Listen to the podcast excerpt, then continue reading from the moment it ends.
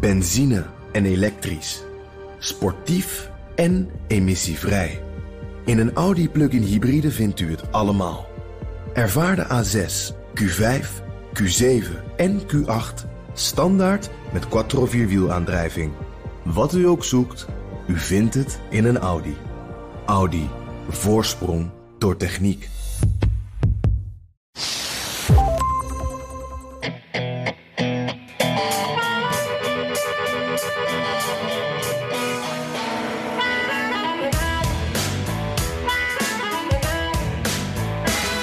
Nieuws dat gereed is voor publicatie. Dat is het motto van de moeder aller kranten, de New York Times. Duizenden, nee, duizend journalisten werken daar. Er is een hele verdieping voor fact-checkers. Valt dat monument, die krant, van zijn voetstuk door een megablunder. Welkom bij aflevering 9 van de Amerika-podcast. Ik ben Bernard Hammelburg. In Washington zit Jan Postma. Dag Jan. Dag eh, Bernard, goed je te spreken. Ja, hoe gaat het met je? Eh, Zijn Ja, wel goed, wel goed. We worden hier net een beetje wakker. Het is, eh, als we dit opnemen, nog vrij vroeg in de ochtend. Dus ik zit lekker met een kopje koffie en eh, CNN. En waar, waar op dit moment een breaking news eh, dingetje in beeld komt. Maar goed, dan gaan ze meestal daarna meteen naar de reclame. Dus het zal wel niet zo heel belangrijk Ja, en zelfs tegenwoordig zelfs het weerbericht breaking news. Maar goed. Jan, we gaan het zo Ja. meteen hebben over de New York Times. Gaan we lekker over roddelen. Maar eerst, wat is jouw verhaal van de week? Nou, eh, Bernard, ehm, ik liep afgelopen week op een eh, muziekfestivalletje hier in Washington. Het was heel gezellig. Het is hier nog eh, lekker een beetje zomer, nog wel gelukkig. En daar werden allemaal t-shirts verkocht met de afbeelding van een oud vrouwtje erop. En er waren ook schilderijen en posters met datzelfde vrouwtje. En op een bepaald moment liep er zelfs iemand, en toen moest ik echt even twee keer kijken, voor me met een tatoeage van datzelfde omaatje met een brilletje op. En ja, Bernard, dat omaatje heeft een bijnaam, RBG, de Notorious RBG. Dat is een beetje zoals de, de rapper, Ja, de ja. B.I.G. Ja, en ik hoor jou al, jij kent haar natuurlijk, Ruth Bader Ginsburg. Ja, een beroemde, ik zal maar zeggen, tegenwoordig superlinkse lid van het Hooggerechtshof. Ja, ja, klopt. Ook omdat dat Hoge Rechtshof een beetje naar rechts geschoven is. Dus daar is zij eh, geëindigd. En zij, zij is, ja, ze is voor progressief Amerika een boegbeeld en een icoon. En dat is al een tijdje zo. Maar het viel me dus deze keer echt op, want al die dingen kwamen bij elkaar. Eh, in, deze linkse bubbel hè, van Washington is zij echt meer dan dat. Ze is echt een soort rockster geworden. En, en haar gezondheid is natuurlijk heel fragiel. Ze is al, eh, eh, ik dacht 86, zeg ik uit mijn hoofd. Eh, maar democraten hopen nog dat ze heel lang eh, gezond blijft. En haar beeltenis zie je dus overal. En, en, en eh, ik liep ook een paar dagen geleden hier door de buurt.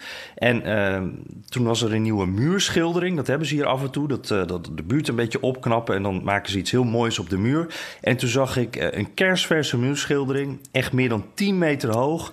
Met daarop weer dat oude vrouwtje. Weer die RBG. Geweldig. Ja, en ze, wat heeft ze? Ik geloof pancreaskanker hè? of zoiets. Iets, iets heel naars. Ja, ja, klopt. En het is ook al de Ja. tweede keer dat ze dat eh, heeft gehad. En, en ik werd er ook door iemand op aangesproken op Twitter. Die zei van ja, de overlevingskansen zijn best wel laag daarmee. Ja. Eh, maar toch is het ook eh, de laatste keer, zeiden de doktoren weer, dat het toch goed is gekomen. Maar el- elke keer als zij dus, ze heeft al meerdere malen kanker gehad. eh, elke keer dat- dan gaan bij de Republikeinen al, al half, de, die worden, worden de slingers al gepakt en de champagne al klaargezet. Want dan denken ze, mooi, als zij weg is, dan kunnen wij een nieuwe opperrechter aanwijzen. Ja. Kunnen we het weer wat conservatiever maken. En, en Trump, Dus, eh, ligt, Trump ligt natuurlijk al als een luipaard te wachten op zijn kans. Ja, ja, zeker. Die, die, eh, de- de- er wordt echt, door Trump zelf niet, maar mensen om hem heen wordt daar echt dan af en toe wel, als hij weer in het ziekenhuis ligt, van eh, nou, dan worden er wat suggestieve tweetjes gestuurd. Ehm, ja, het moet, moet heel raar zijn voor die vrouw natuurlijk. Eh, Zij werd ehm, begin van de zomer ook gevraagd wat zij vond van een senator die haar ooit dood had gewenst. En toen reageerde ze wel op een hele typische onderkoelde manier. Ze zei, die senator, die is nu zelf dood.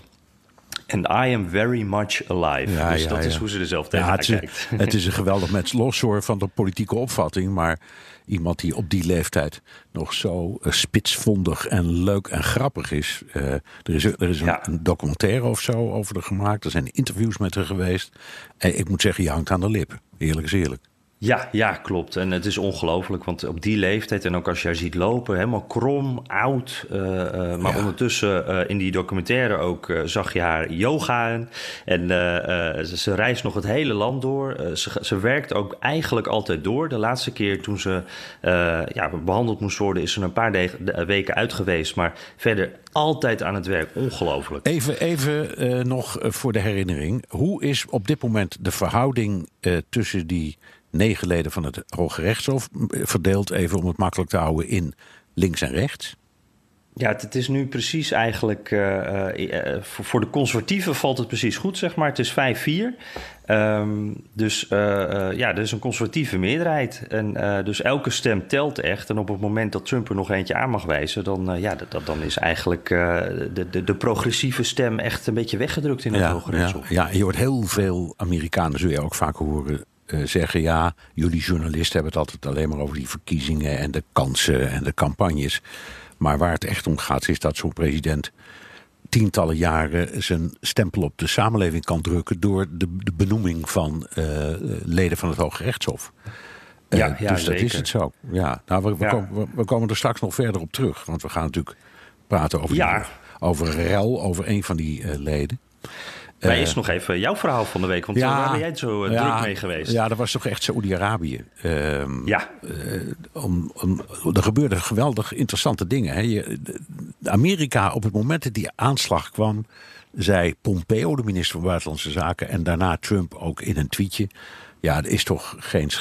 Het is niet denkbaar dat het iets anders kan zijn dan Iran. Dit is door Iran gedaan de, de Houthis, de, de opstandelingen in Jemen, die zeiden: nee, dat is helemaal niet waar, dat hebben wij gedaan. En toen kwamen er allerlei uh, uh, foto's, satellietfoto's, van wat er nou precies was geraakt. En het bleek, om het maar simpel te houden, dat de inslag van de projectielen, of drones of raketten, dat die wat vanuit de, de Houthis, vanuit Jemen geredeneerd, aan de verkeerde kant zaten.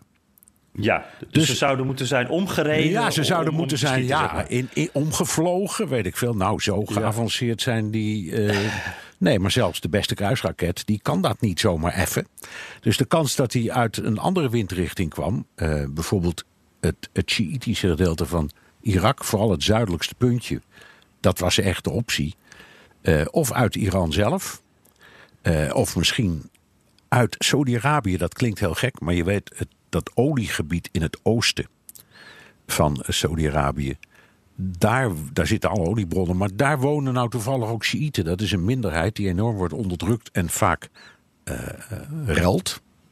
Dus het kan ook best zijn dat die er iets mee te maken hadden. Maar hoe dan ook, hoe dan ook uh, Trump zijn toon draaide bij. Hij heeft nu wel uh, sancties afgekondigd. En hij zegt wel, ja nee, het is duidelijk Iran zijn schuld. Maar het is duidelijk dat hij, hij heeft geen oorlogstaal en dat heeft natuurlijk te maken, denk ik, met het verdwijnen van uh, John Bolton. Uh, want, dat, ja. want, die houdegen, zijn, zijn uh, nationaal veiligheidsadviseur, die enorm voor echt actie tegen Iran was. En dat vind ik interessant. Ik vind dus Trump opmerkelijk in deze hele affaire opmerkelijk diplomatiek. Ja, ja, dat zeker. Uh, als je het inderdaad met andere uh, conflicten vergelijkt, dan is hij hier eigenlijk. Uh, hij wil het nu helemaal uitzoeken. Er, er, zitten daar ook Amerikaanse Amerikanen onderzoeken het ook op dit moment. en hij wil echt alle details weten. Terwijl in het verleden hij toch wat ja, meer vanuit gevoel reageerde. maar ja, het is eigenlijk ook wel heel consequent, hè? Want Trump heeft altijd gezegd: ik wil geen oorlog, ik, ik wil onze troepen overal weghalen. dus misschien zit dit wat denk je, zit dit zo diep in Trump, deze verkiezingsbelofte, minder oorlog als ik president ben? Ja, zeker. Uh, ik denk inderdaad dat hij geen oorlog wil. En ik denk ook dat hij begrijpt dat een oorlog tegen Iran niet zomaar iets is. Dat wordt echt een bloedbad van onvoorstelbare omvang. En dat is nou precies wat je niet moet doen. Zelfs als hij de belofte niet had gedaan, dat moet je in de aanloop naar verkiezingen niet doen. Uh, je, richt, je richt een bloedbad aan onder je eigen mensen, maar zeker onder de vijand. En dan, ja, wat bereik je er uiteindelijk mee? Hè? Dus uh, het is een erg groot land, uh, Iran. Aan de andere kant, ja, hij voert al uh, campagne tegen Iran sinds ver voordat hij werd gekozen. Ja. Um, dus je zou zeggen, al ja, als er een kans in is, dan is het deze. daar staat weer tegenover, en daar heeft Trump gelijk in. Het was geen aanval op de Verenigde Staten. Het, Ja. was, het was een aanval op Saoedi-Arabië. En dus is Saoedi-Arabië aan zet. En als die eh, onze hulp nodig hebben of andermans hulp, nou, dan, dan zijn we best bereid. Maar het is in de eerste plaats hun probleem. Ik vond dat, eerlijk gezegd, met alles wat we van Trump eh, eh, gewend zijn, een soort van opluchting. Van kijk eens, dit is, je doet het heel slim nu, man. Ja, ja. En denk jij dat dit uit Trump zelf komt? Of is dit bijvoorbeeld ook Pompeo, die, die eh, een wat grotere rol heeft op dit moment, omdat er ook geen nationaal veiligheidsadviseur is, omdat Bolton weg is? Denk je dat er mensen in zijn omgeving dit ook influisteren, dat hij luistert, of is het echt Trump zelf? Eh, ik denk allebei. Eh, want je weet, eh, Trump luistert in het algemeen slecht. ja. En jij hebt mij zelf wel eens uitgelegd. Hij luistert eigenlijk alleen maar naar de laatste die hij heeft gesproken. Ja, dat maar om, ook, maar ja. bij gebrek aan, aan anderen, inderdaad, er is, geen, er is geen Bolton meer om mee te praten. Dus er is alleen Pompeo, ja, en dan heb je misschien nog een minister van Defensie, maar die speelt niet echt een rol. De- dus misschien dat hij inderdaad luistert naar. eh, Pompeo had wel eh, een goede redenering. Het is ongetwijfeld Iran. Eh, en we zien wel, die kwam ook niet meteen met oorlogstaal. Dus Ja. ik, ik denk dat hij zich heeft laten beïnvloeden. Maar ik denk ook dat het zijn eigen intuïtie is. Van uitkijken, als ik hieraan begin, dan krijg ik mijn eigen partij tegen me. In een verkiezingsperiode. Ik laat hem even lopen. Ja, ja, ik denk ook alles is in het perspectief van die verkiezing op dit moment. Hè? En, en wat, eh, ook, nou ja, dit dus ook. eh, die ontmoeting met eh, Rouhani. Daar, daar wordt al een tijdje over ge- ge- ge- ja, een beetje gefilosofeerd of dat zou kunnen. Bij de VN mogelijk. Hoe schat jij dat in? Komt dat er nog? Nou, ehm, eh, er zijn een paar interessante dingen. Trump en ook zijn ehm, eh, woordvoerders, mensen die over die zaak spraken, die hebben allemaal gezegd: Nou, wat, wat ons betreft mag, kan of mag het best. Ehm, het zou een enorme stunt zijn en het past ook in de aanpak van Trump. Hè. Hij houdt daarvan, van dit soort Ja, mediamomenten. mediamomenten. Je gaat met de grootste vijand. We, we, we schelden elkaar elke dag uit voor rotte vis. Maar we gaan toch even koffie drinken voor het oog van alle camera's. Dus dat is wel helemaal Trump. Dus, maar Khamenei, de geestelijk leider en eigenlijk de baas van Iran... heeft de afgelopen dagen gezegd... er is echt geen sprake van. Er is geen Iranier die contact opneemt of mag praten... met welke Amerikaan dan ook. Het eerste wat ze moeten doen is hun toon matigen. En het tweede wat ze moeten doen is die sancties opheffen of verminderen. Daar zit hem voor mij de twijfel, omdat Washington zegt: nee, die, die sancties opheffen doen we niet, maar erover praten, dat willen we best. Dus dat betekent, we willen wel iets geven. Nou, daar staat het nu. En eh, nou ja, Jan, wij zijn allebei eh, volgende week bij de Verenigde Naties met ons neus er bovenop. Dus als het gebeurt, gaan we het Ja. zien. Hè? Zeker, Ja. ja. En op dat punt, eh, Trump kondigt dus net extra sancties eh, aan als we dit opnemen. Dat, eh, misschien is dat ook wel heel slim, dat hij ze nu omhoog doet. En dan kan hij ze voor volgende week weer eraf halen. Ja, precies. En, en kijk, het gaat dan met name om de sancties die hij later heeft. Hij heeft sancties ingevoerd en op een bepaald moment. Er waren uitzonderingen. Hè? Er waren landen die mochten nog steeds olie Ja. kopen. Daar heeft hij ook een sanctie op gelegd. Dat zou hij weer kunnen terugdraaien. Dat, dat is niet echt gezichtsverlies voor hem. Het is voor die landen heel prettig, want die kunnen dan weer Iraanse olie kopen. En het is voor Iran de redding, want ze staan op omvallen. En ook dat is niet in het Amerikaanse belang. Nee, nee, want dan komt er meer chaos. Nou, we gaan het zien. Ja, we gaan zien. Nou, ehm, een andere kwestie gaan we over praten, Jan. Het vroegere persbureau UPI, United Press, helaas ter ziele, had als motto: First get it right and then get it first. Wat, wat Mooi. Prachtige is voor journalistiek. Ja. Dus niet, niet meteen met primeurs willen komen. Eerst even kijken of het verhaal klopt. Dat is altijd de leidraad geweest van de New York Times. Tenminste, dat dacht ik. En nu is het plotseling een politiek roddelblad geworden. En dat draait allemaal om verondersteld seksueel wangedrag van Brad Kavanaugh, lid van het Hoge Rechtshof. Daar hadden we hadden net al, we zeiden net al, we komen daarop terug op dat Hoge Rechtshof. eh, Hof. Eh, dit was die man die met heel veel moeite is benoemd. Vat het verhaal even samen, Jan. Wat is er nu precies Ja. aan de hand? Ja, ja, want het is wel een smeuig uh, verhaal, uh, Bernard. Uh, dit, dit, weekend verscheen er een stuk op de website van The Times over Kavanaugh. je noemde het al, die man die, die nou, er gingen al eerder, er waren getuigenissen tegen hem van vrouwen die, die zeiden van, nou ja, hij heeft me aangerand, allemaal in, in zijn jeugd, studententijd, daarvoor is dat dan gebeurd. Um, en nu kwam er een soort ja, essay eigenlijk in de krant op basis van een boek over Kavanaugh. En dat was ook door twee New York Times journalisten geschreven. Dus die kregen een essay in hun eigen krant eigenlijk.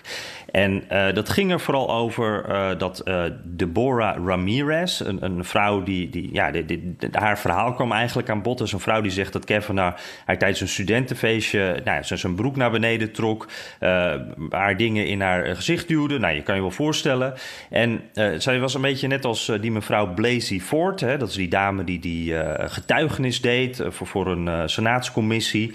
Um, zij was een van de bekende gevallen eh, rond Kavanaugh. En uh, wat het nou uh, saillant maakt, in het stuk stond ook nog een geval, ook een feestje, waarin Kavanaugh ja, zijn geslachtsdeel in de handen van een vrouw duwde, ongewenst en onaangekondigd ook. En in dat stuk stond dat Max Stier, dat is een, een klasgenoot, dit, dit, die, en, en ook een ooggetuige, dat hij dit door heeft gegeven aan de FBI en aan de senatoren die Kavanaugh onderzochten. Uh, alleen, uh, Stier die wilde niet zelf met de auteurs praten. Dus dat was lastig. Nou, dat stuk werd online geplaatst. En uh, daar werd later ook nog aan toegevoegd dat de vrouw zelf niet geïnterviewd wilde worden. En haar vrienden zeiden ook dat ze zich het niet meer kon herinneren. Nou, dit is een toevoeging die er later bij kwam. Toen hadden heel veel mensen dat stuk al gelezen. En dat is natuurlijk wel essentiële informatie. Hè? Dat, dat, dat, dat zwakt het geheel heel erg af. En maakt het ook weer, net als bij al die andere uh, gevallen rond Kevin, nou weer heel moeilijk om in te schatten of dit nou klopt. Het is ja. niet 100% bewijs. En er kwam een notitie achter het stuk. Um, waarin ook wordt aangegeven van we hebben dit toegevoegd. En voor de papieren editie was het ook helemaal aangepast. Maar ja, het had al een tijd online gestaan. Dus daar kwam heel veel, uh, heel veel kritiek op. Maar wacht even, Jan. Wij werken voor BNR. Jij werkt ook voor de Telegraaf. Uh, de Telegraaf houdt erg van sappige verhalen. Maar het is ja, toch zeker. ondenkbaar dat je uh, een verhaal zou schrijven dat gaat, op, ik zal maar zeggen, op dit niveau, hè, over zulke mensen. Ja. En um, geen hoor en wederhoor toepast, of een bron die niet wil praten onvermeld laat in je eerste aflevering. Dus in je online versie, die tegenwoordig veel meer wordt gelezen dan vroeger. Hoe, ja, hoe, is, het mogelijk, ja, nee. hoe is het mogelijk dat, dat, dat, dat bij dit instituut, de, de New York Times, dit langs een eindredacteur is gekomen? Ja, ja, klopt. Hele, uh, dat is eigenlijk de vraag, hele goede vraag. Er, er, werd hier, om eerst maar eventjes een soort van inhoudelijk uh, te vertellen wat uh, zij zeiden. Um, dit stuk is eerst naar de nieuwsredactie gegaan. Die vonden dat nieuwsfeitje te dun. Dus die zeiden eigenlijk wat jij nu ook zegt. En, en wat een eindredacteur bij BNR bijvoorbeeld zou zeggen. Van, nou ja, we, weten, we kunnen dit niet 100% zeker zeggen. Dus dit kunnen we niet brengen. maar toen is het stuk naar de opinieredactie gegaan. En toen is het toch zo meegegaan. En toen hebben ze dit nieuwsfeitje wel ergens, ik geloof in de 11e of de 16e alinea, ergens zo meegenomen. Dus een beetje weggestopt. En de auteurs die hebben van het boek, die zeggen van ja, wij hadden het duidelijker ingezet. Maar iemand op de redactie, dus waarschijnlijk een eindredacteur, die heeft het dan weer aangepast. Dus ja, dan overal worden fouten gemaakt. Maar op dit onderwerp, Bernard, het, is zo gevoelig ligt dit. Uh, vorig jaar stond ik, uh, toen bij zijn benoeming, stond ik bij het Capitool. Uh, en er was zoveel emotie aan beide kanten. Je moet je voorstellen, bij het Capitool uh, stonden Republikeinen te juichen alsof ze net de Wereldbeker hadden gewonnen. En uh, een half. Uh, grasveld verder stonden de Democraten. En daar waren echt mensen die zaten verslagen op de grond. Die waren aan het huilen. Uh, dus dit is echt aan beide kanten een enorme open zenuw. En dat je dan juist op dit onderwerp uh, niet zorgvuldig te werk gaat. En, nou ja, en dan hebben we ook nog, uh, die hebben we in dit geval nog niet eens genoemd. Dan heb je ook nog Trump. Die is natuurlijk woest. Uh, die zegt van, nou, de, deze krant moet je opheffen. Die mensen moet je ontslaan. The resignation of everybody at the New York Times involved in the Kavanaugh.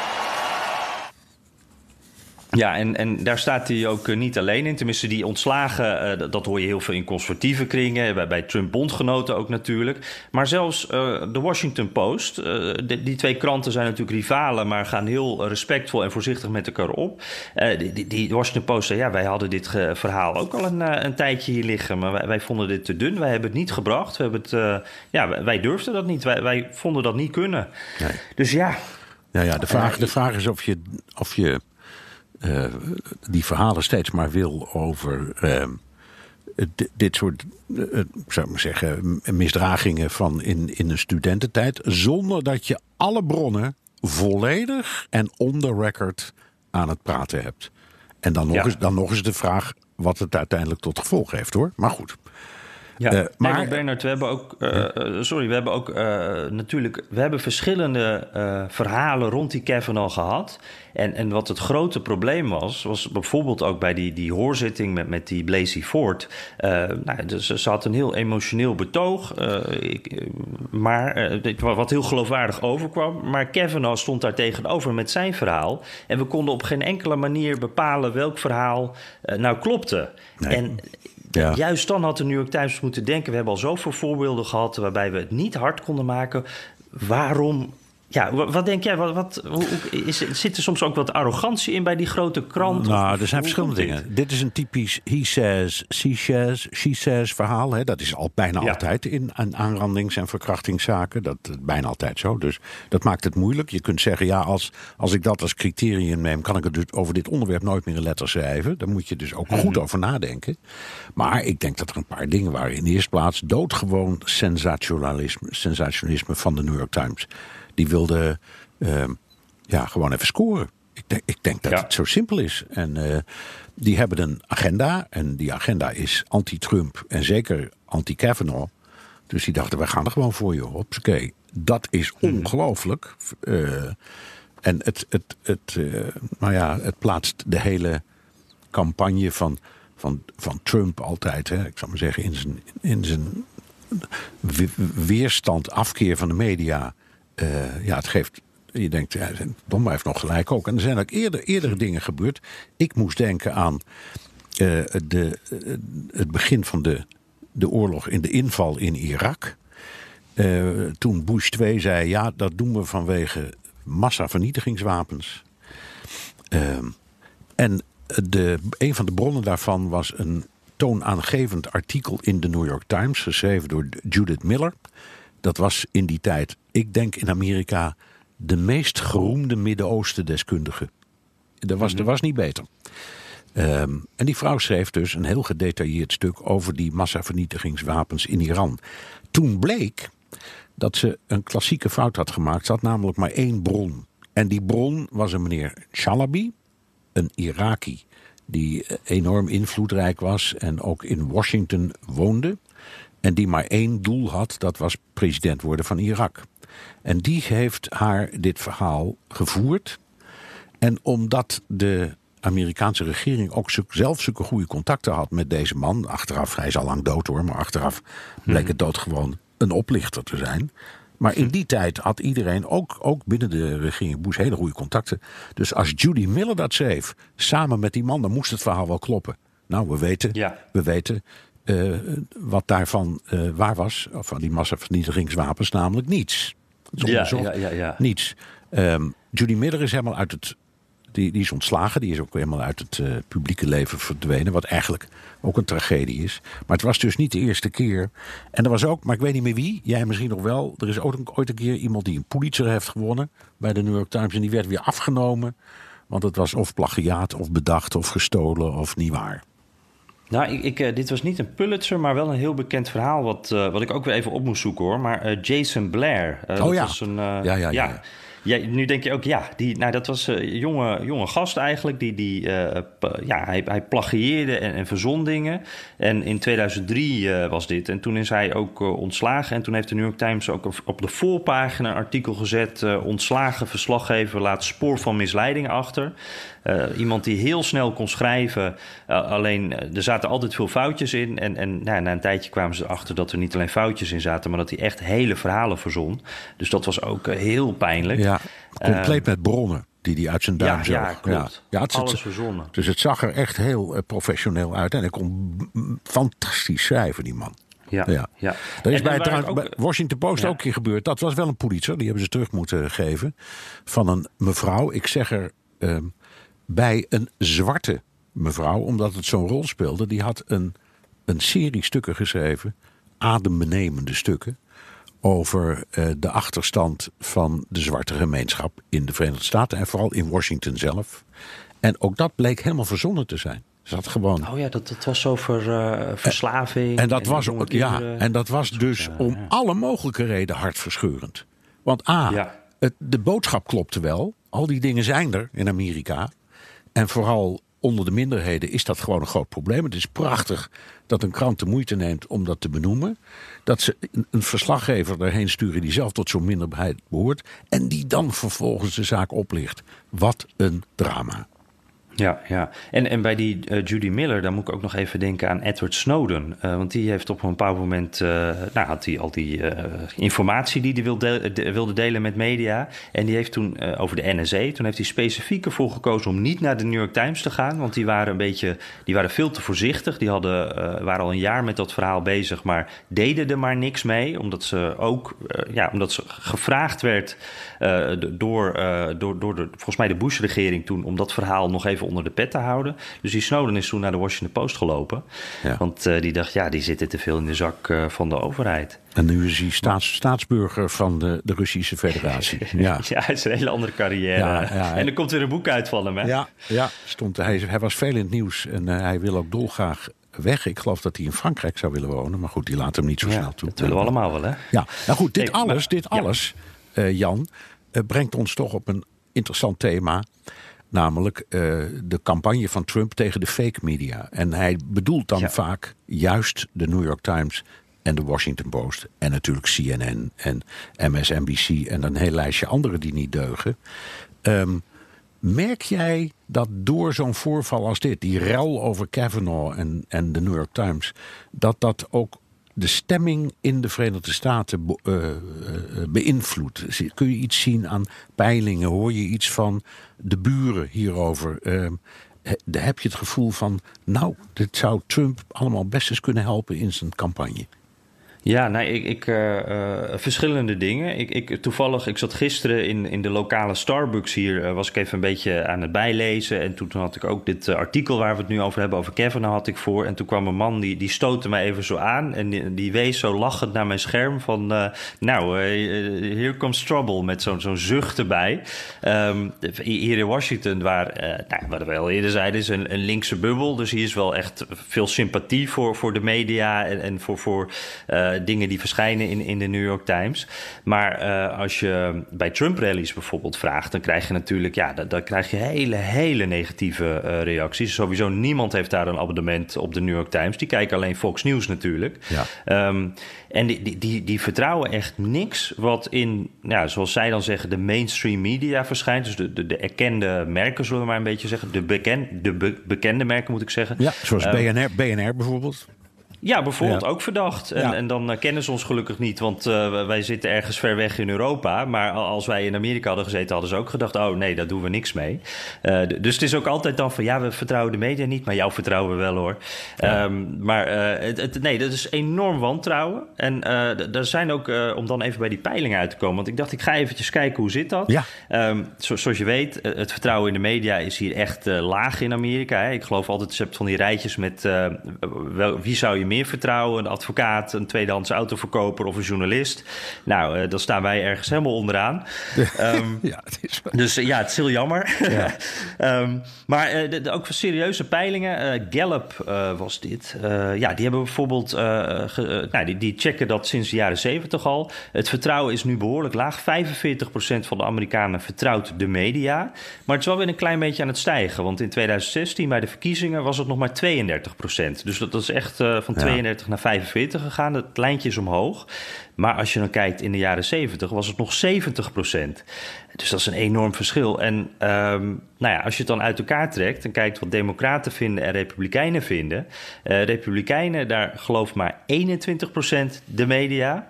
En bij de democraten is dat 70 Ja. Dus er is een enorm verschil in, in uh, ja, wat je stemt en wat je gelooft. Jawel, maar het is, hoe gruwelijk het ook klinkt, ook een bewijs voor de stelling van Trump. Want die media die door de Democraten worden gesteund, dat is nu precies wat hij bedoelt. Dat komt omdat hij de Democraten naar de mond schrijven. Mm Dus ik, ik zie wel een verband. Het is geen leuk verhaal wat je vertelt trouwens.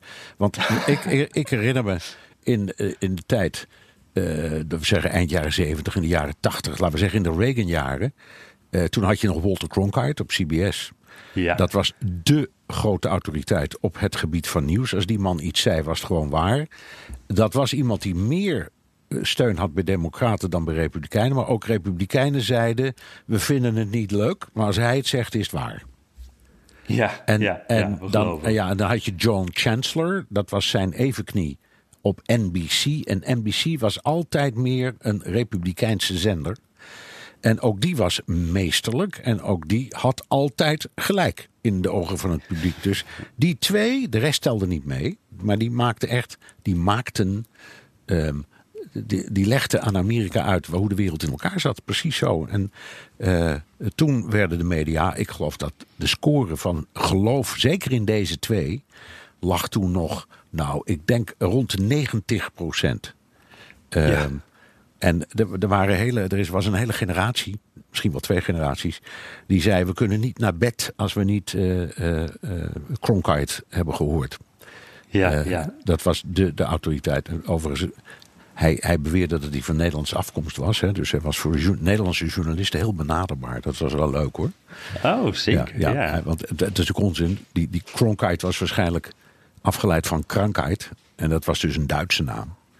Maar hij, hij zelf was ervan overtuigd. Hij had ook een Nederlandse zeilboot. En hij kwam met grote regelmaat in Friesland. Moet je aanspreken. Ja, zeker. Ja, ja, ja. ja, Was echt iemand met, uh, nou ja, met Hollands bloed. Hij voelde zich zo. Potverdorie. Dus die, die Walter Cronkite en ik hebben één ding gemeen. We komen allebei vaak in Friesland. Zo was dat. Als je het zo tegen hem had gezegd, had hij gezegd... en wat wil je bij de koffie? En kom er binnen en je kan me alles vragen. Ja. En dan had ik een Frieske doemke gezegd. Zo is dat. Hey, uh, maar Bernard, ik wil even terug naar iets wat jij aan het begin van de podcast zei. Want jij zei een beetje zo tussen neus en lippen door... Uh, New York Times is natuurlijk een anti-Trump krant. En um, dat is iets wat. Uh, nou, dat, dat, vind ik altijd wel heel interessant om dat dan te bekijken. In hoeverre uh, is dat zeg maar een agenda? Of zijn ze gewoon kritisch op Trump? Want dat is natuurlijk ja, het, geen ik vind, probleem. Ik vind het een, een fantastische vraag. Hoe beoordeel je nu zo'n krant? En het mooie vond ik altijd van de New York Times en de Washington Post... de manier waarop die grote Amerikaanse kranten zijn ingedeeld... dat ze hebben nieuwspagina's. En die zijn, vind ik, doorgaans bij al die kranten, of ze nu een rechtse of een linkse naam hebben, geldt ook voor de Washington Post, de Los Angeles Times, doet en die toe. Die nieuwspagina's zijn altijd dik in orde. Mm -hmm. daar, daar, betrap je zelden iemand op, op een vooroordeel, omdat het verslaggeving is en een beetje analyse. Hun, de rest van de krant, de opiniestukken, uh, de commentaren, de hoofdredactionele commentaren, de columnisten, die staan allemaal in een apart katern in het midden met een eigen hoofdredacteur. En die zijn bij de New York Times buitengewoon progressief door het, in het algemeen. Ze hebben ook keurig een rechtse commentator en een, en een pro-republikeinse commentator. Ze zijn niet helemaal gek. Maar de, de totale sfeer bij de Washington Post ook en bij de New York Times is als je die opiniestukken bekijkt, dan denk je ja, deze krant die, die, die publiceert heel bewust het progressieve gedachtegoed in zijn opiniepagina's. Deze hele affaire speelde zich ook af, dacht ik, in het domein van de opinie. Ja, en niet, in de, en niet in de nieuwskrant. Ja. Uh, en zo heb je de Wall Street Journal, die duidelijk een conservatieve uh, koers heeft. En waar eh, de columnisten bijvoorbeeld in het algemeen ook behoorlijk conservatief zijn. Dat doen ze heel openlijk. Maar die, die Wall Street Journal blijft als nieuwskrant fenomenaal goed. Maar heb jij wel eens het idee dat, uh, want die kritiek hoor ik hier dan vaak van uh, Trump-stemmers, dat uh, de opiniestukken, de, de meningen uit de opiniestukken eigenlijk doorcijpelen richting de nieuwsredactie? Ja, ja, ja dat is een, hele is een heel bekend verwijt. Um, en het is een lastige, want dat verwijt krijgen wij ook. Eh, bij dit toch iets kleinere journalistieke instituut. Beetje. Ja, maar die, het is heel moeilijk en het is ook intern, dat weet je, wel vaak een discussie. Jongens, we hebben hier nu net een hele discussie gehad over uh, het kiezen van woorden. Bijvoorbeeld, ik geef je zomaar een voorbeeld. Kun je spreken over een regime? Hm. Of ja, dat heeft als, een connotatie. Ja, als wij dat als uh, commentatoren doen, dan kun je zeggen: oké, maar als je presentator bent of correspondent of uh, je bent nieuwslezer en je hebt het over het Iraanse regime, ja, dan vind je iets. Mm -hmm. Terwijl je net zo goed over de Iraanse regering kunt praten. Um, hè, hetzelfde geldt voor Noord-Korea. Er is geen enkele reden. Of, of voortdurend dictator. Of voortdurend uh, begrippen als de extreemrechtse alternatieven voor Duitsland.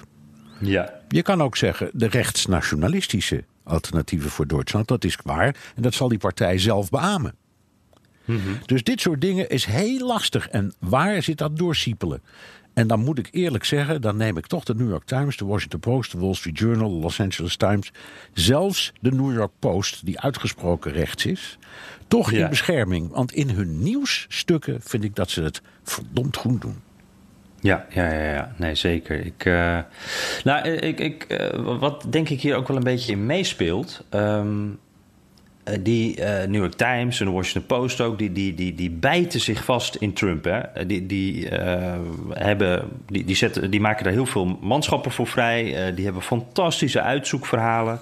Uh, die, zijn, er zijn aan Trump ook heel veel aspecten om te onderzoeken. Dus dat maakt ook wel. Uh, er is heel veel uh, ja, wat je met hem kan doen. Terwijl, nou ja, een saaie Hillary Clinton, dan waren ze waarschijnlijk veel sneller uitgepraat, omdat we ook al heel veel over haar weten.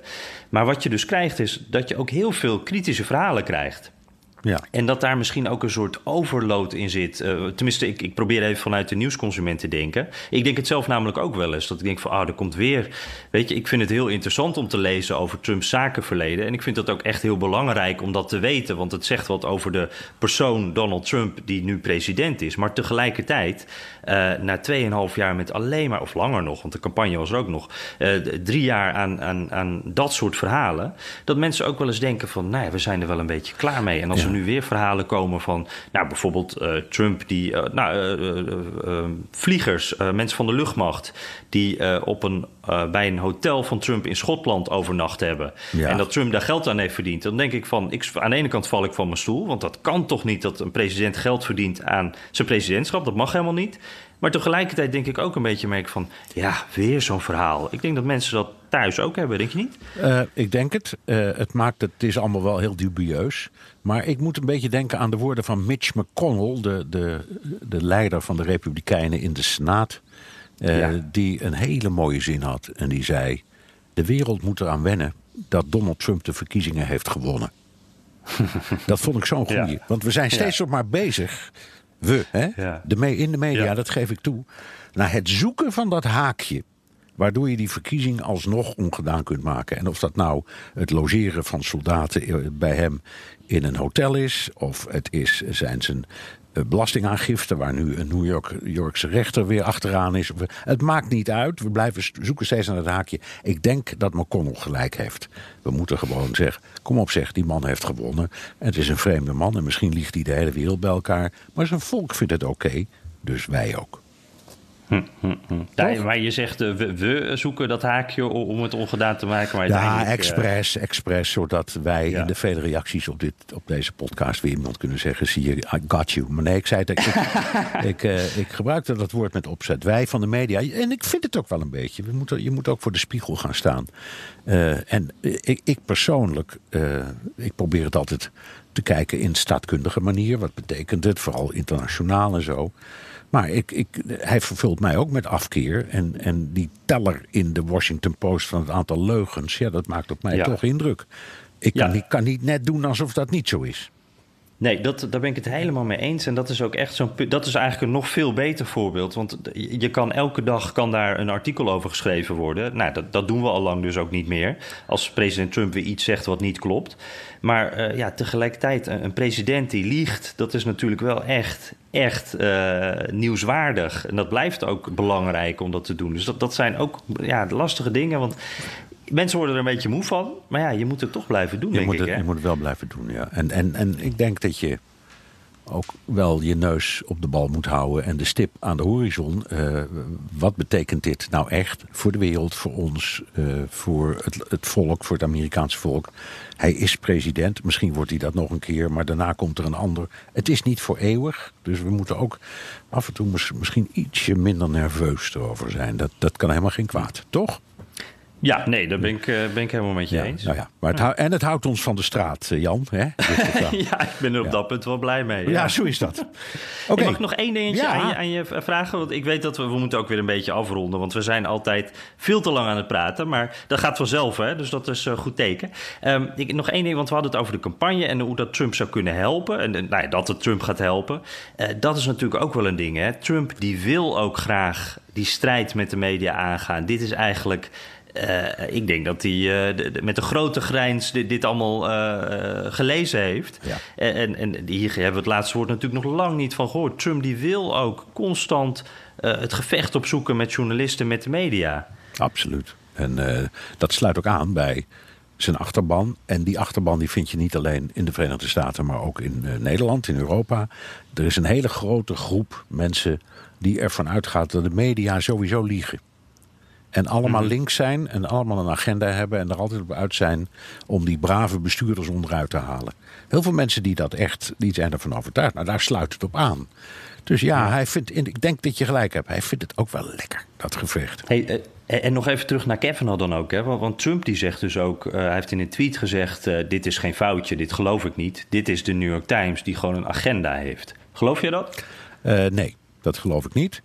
Uh, de, de New York Times heeft, als hij een agenda heeft, wel degelijk het beleid om in de, op, op de opiniepagina's duidelijk te maken dat het beleid van Donald Trump uh, slecht is. Maar er is geen actie aan de gang om die man onderuit te halen. Daar geloof ik niks van. Mm-hmm. Want waarom zouden ze? Uh, ja, nee. Ik, nee, waarom zouden ze? Dat wel. Ik wil, mag ik even mijn zin achtermaken, meneer Pardon, meneer ja. Hammelburg. Ja, nee. Uh, het is uh, denk ik ook niet in hun belang. Want het is ze in de laatste 40 jaar niet zo goed gegaan als sinds Trump president is. Ja. Dus een beleid om die man onderuit, echt onderuit te halen, is helemaal niet in hun belang. Nee. nee. En een nieuwsmerk is natuurlijk alleen waardevol als, als, als je geloofd wordt. Zo is dat uh, ja, best anders, belangrijk. Anders dan ben je alles kwijt. Te beginnen met je adverteerders. Oké, okay, ja. Jan, we sluiten altijd af met Hollands trots in de VN. Dit keer in Amerika, maar het gaat eigenlijk over de hele wereld en over ons eigen supermerk Mark Rutte. ja, ja, supermerk. Zo had ik hem nog niet bekeken. Maar uh, ja, hij, hij, is in het uh, buitenland uh, best populair. Hè? En volgende week krijgt onze eigen premier Rutte een prijs in New York. ik had er zelf nog nooit van gehoord, moet ik zeggen. Maar het klinkt wel prestigieus. De Atlantic Council Global Citizen Award. die heb ik nog niet op de schouw staan. Um, pak even het juryrapport erbij. Hij wordt geëerd voor zijn leiderschap. En omdat hij een van de langzittende ja, leiders is in de wereld. En omdat hij zich inzet voor vrijhandel, klimaatverandering en de transatlantische relaties. Dus hij heeft dan net de algemene politieke beschouwingen gehad. Uh, kan eventjes een schoon pak aantrekken en lekker naar uh, alle kritiek in Nederland eventjes uh, deze prijs in ontvangst nemen. Ja, nou en cliffhanger, want uw dienstwillige dienaars zijn volgende week samen in New York. en we zullen, ja. dus, we zullen dus ongetwijfeld de gedecoreerde uh, Mark Rutte wel zien bij de algemene vergadering van de Verenigde ja. Naties in New York. En veel belangrijker, Jan, wij gaan dan leuk bij mij thuis aflevering 10 van de Amerika-podcast opnemen. Aan de, keuken, ja. aan de keukentafel met uitzicht op de Hudsonrivier. Uh, Ik ben heel benieuwd naar dat uitzicht, Bernard. Ja, is mooi hoor. Maar voor nu zit het erop. Dit was aflevering 9. Jan, heb je nog reacties?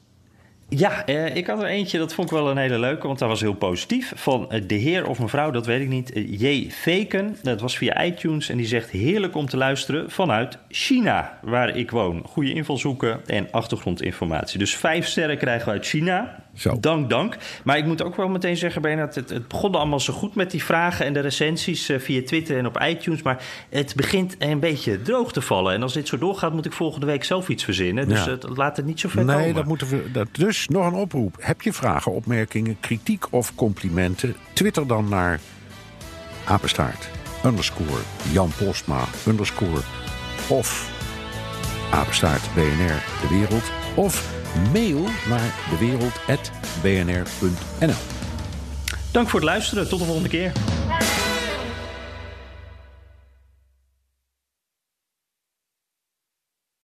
Benzine en elektrisch. Sportief en emissievrij. In een Audi plug-in hybride vindt u het allemaal. Ervaar de A6, Q5, Q7 en Q8 standaard met quattro vierwielaandrijving. Wat u ook zoekt, u vindt het in een Audi. Audi. Voorsprong door techniek.